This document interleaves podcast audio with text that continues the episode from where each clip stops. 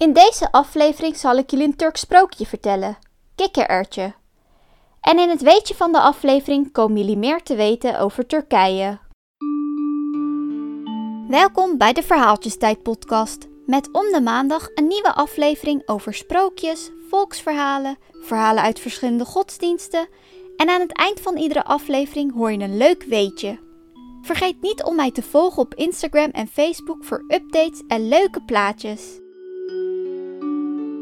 Dit is aflevering 7 van de Verhaaltjestijd podcast, Kikkererwtje. Dit Turks sprookje gaat over een jongetje zo klein als een kikkerert, die allerlei avonturen beleeft. Dit sprookje lijkt een beetje op het bekende westerse sprookje Klein Duimpje, maar met typisch Turkse elementen. Omdat dit een Turks sprookje is, zullen er af en toe Turkse woorden gebruikt worden. Ik ga mijn best doen om dit allemaal goed uit te spreken, maar ik zeg nu alvast sorry voor mijn uitspraak.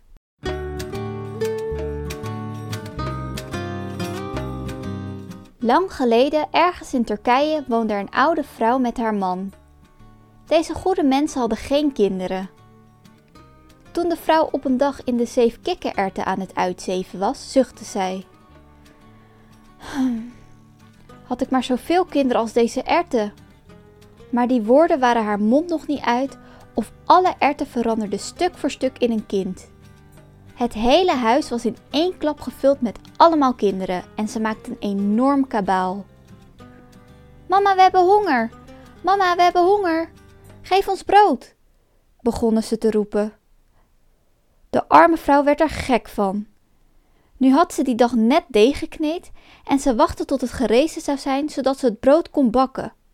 Maar de kinderen vlogen met z'n allen op de schaal met deeg af en aten het helemaal leeg.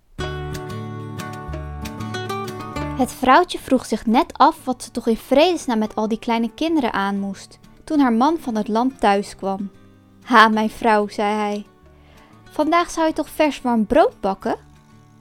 Oh, vraag me er niet naar, zei de vrouw. De kinderen hebben alles opgegeten. Welke kinderen? Ben je soms je verstand verloren? Het vrouwtje vertelde alles en ze vroeg: Wat moeten we nu? Hoe komen we in vredesnaam van ze af? Ze dachten lang en diep na. Eindelijk kwam de man met een oplossing. Kijk, als we in dit tempo doorgaan, zal er voor onszelf niets meer te eten overblijven.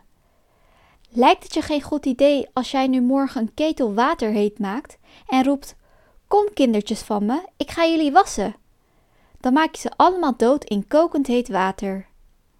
En dat deed de vrouw. Ze gooide ze allemaal in de ketel en zo doodde ze hen. Daarna keerde ze de ketel om en ging in een hoekje zitten.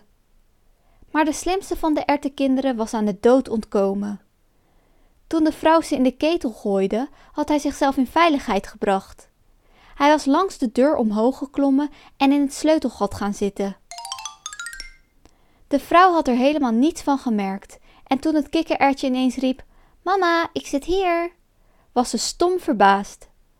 Ze keek zoekend om zich heen en dacht: Waar komt dat stemmetje toch vandaan? Toen het kind nog een keer riep, vroeg ze: Waar ben je, mijn zoon? Kijk dan, mama, ik zit hier. Ben je soms blind? Maar ze kon hem nergens ontdekken. Ik zit in het sleutelgat van de deur, mama. Als je me niet doodmaakt, kom ik eruit. Nee, ik maak je niet dood, zei de vrouw. Want ja, wat kon ze anders? Het kindje kwam uit het sleutelgat tevoorschijn en sloot vrede met de vrouw. Tegen de middag zei ze tegen hem: Kom eens, mijn zoon, hier heb je eten, dat moet je naar je vader brengen. Is goed, moeder. De vrouw bond een pan met pilaf vast aan het pakzadel van de ezel. Ertje ging in het oor van de ezel zitten. Toen ze halverwege waren, kwam er van de andere kant een stroopverkoper aan. Die stroopverkoper dacht dat de ezel daar zonder eigenaar liep. Ha, dacht hij, kijk eens aan. Gratis pilaf. Daar doe ik wat pekmes, dat is druivenstroop bij, en dan eet ik het lekker op. Zo gezegd, zo gedaan. Maar op het moment dat hij de derde lepel naar zijn mond bracht, riep Ertje: Genoeg! Laat ook wat over voor mijn vader. Het hart van de stroopverkoper sloeg van schrik een slag over en hij viel dood neer. Ertje bracht de pilaf nu met pekmes erbij, naar zijn vader. De oude man at zijn maal en zette intussen Ertje aan het ploegen. Ertje ging in het oor van een van de ossen zitten en begon te roepen: Fort, fort, ja, fort! En zo ploegde hij de akker. Precies op dat moment kwam de koning langs, in gewone kleren om niet herkend te worden. De koning zag tot zijn verbazing ossen de akker ploegen zonder aandrijver erbij. Hij werd nieuwsgierig. Toen hij rondkeek, zag hij de boer zitten. Hij ging naar hem toe en zei: Goedendag. De boer groette terug. Na de gebruikelijke woorden: Hoe maakt u het? Alles goed? met elkaar uitgewisseld te hebben, vroeg de koning: Oom boer, jij zit hier nu te zitten, maar wie is nu de akker aan het ploegen? Mijn zoon. Wat? Er is toch niemand? Ga er maar dichter naartoe, dan zie je het.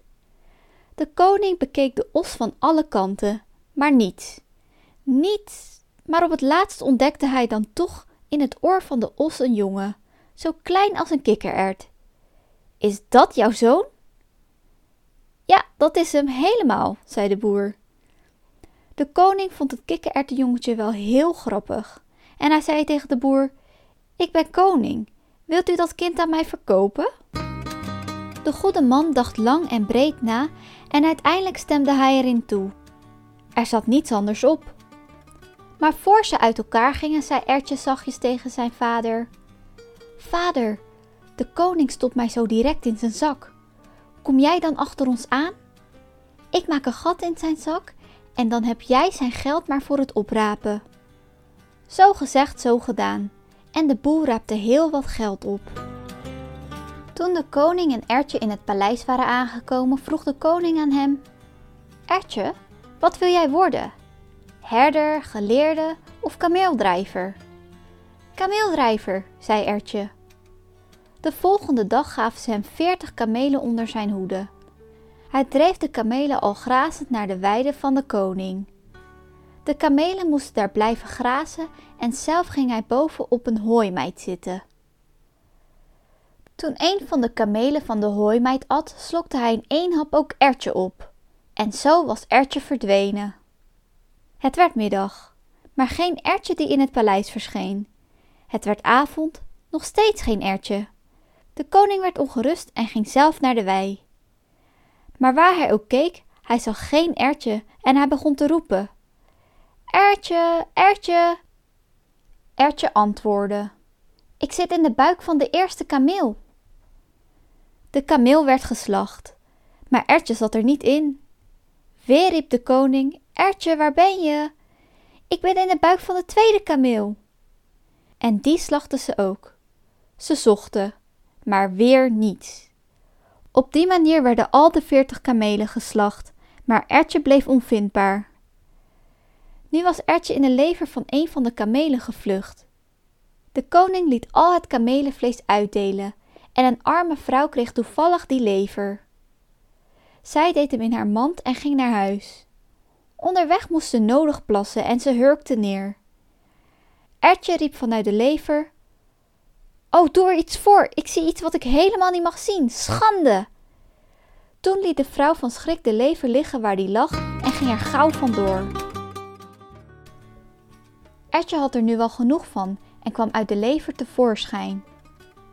Precies op dat moment kwamen er twee dieven langs. Ze waren met elkaar over een karweitje aan het praten. Die nacht wilden ze naar een boerderij gaan om schapen te stelen. Ertje riep hard: Neem mij mee! Ik kan van goede hulp zijn. De dieven vroegen verbaasd: Wie schreeuwt daar zo? Ikke, zei Ertje. De dieven keken naar alle kanten, maar niemand te zien. Waar ben je? Kijk, ik zit hier onder de doornstruik. Ze liepen naar de doornstruik en daar zat tegen de stam een jongetje zo klein als een kikkerert. Ze geloofden wel niet dat zo'n piepklein kereltje van goede hulp zou zijn, maar vooruit, ze namen hem toch maar mee. Toen het donker was, gingen ze naar de schaapskooi. Ze lieten Ertje naar binnen gaan. Die kon daar de schapen naar buiten jagen. Ertje riep vanuit de schaapskooi: Willen jullie een zwart of een wit schaap? De dieven zeiden: Stil, st, de boer hoort ons en zal ons pakken. Maar Ertje schreeuwde weer: Moeten jullie nou een zwart of een wit schaap hebben?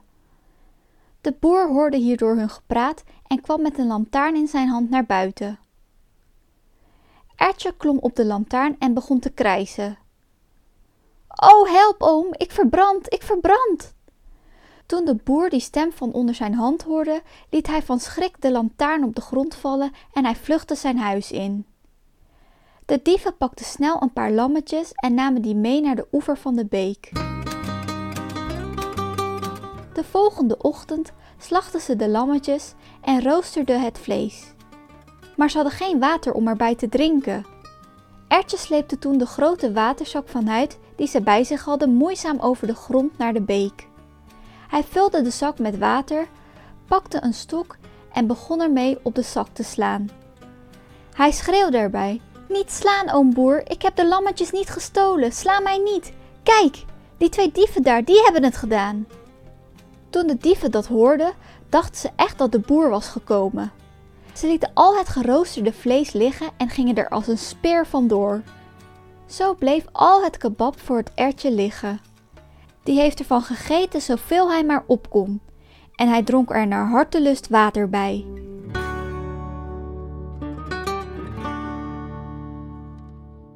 Dit was het Turkse sprookje Kikkerertje.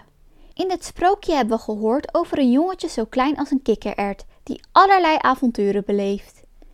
Eerst ontsnapte hij aan de dood, daarna moest hij zijn vader helpen met ploegen. Hij werd vervolgens verkocht aan de koning, waarna hij werd opgegeten door een kameel en tenslotte misleidde hij een stel dieven. In de volgende aflevering zal ik jullie het verhaal van Bruin de Beer en Reinhard de Vos vertellen. Dit verhaal is een fabel uit de Nederlandse literatuur. Het komt uit het dierenepos van der Vos Reinaarde.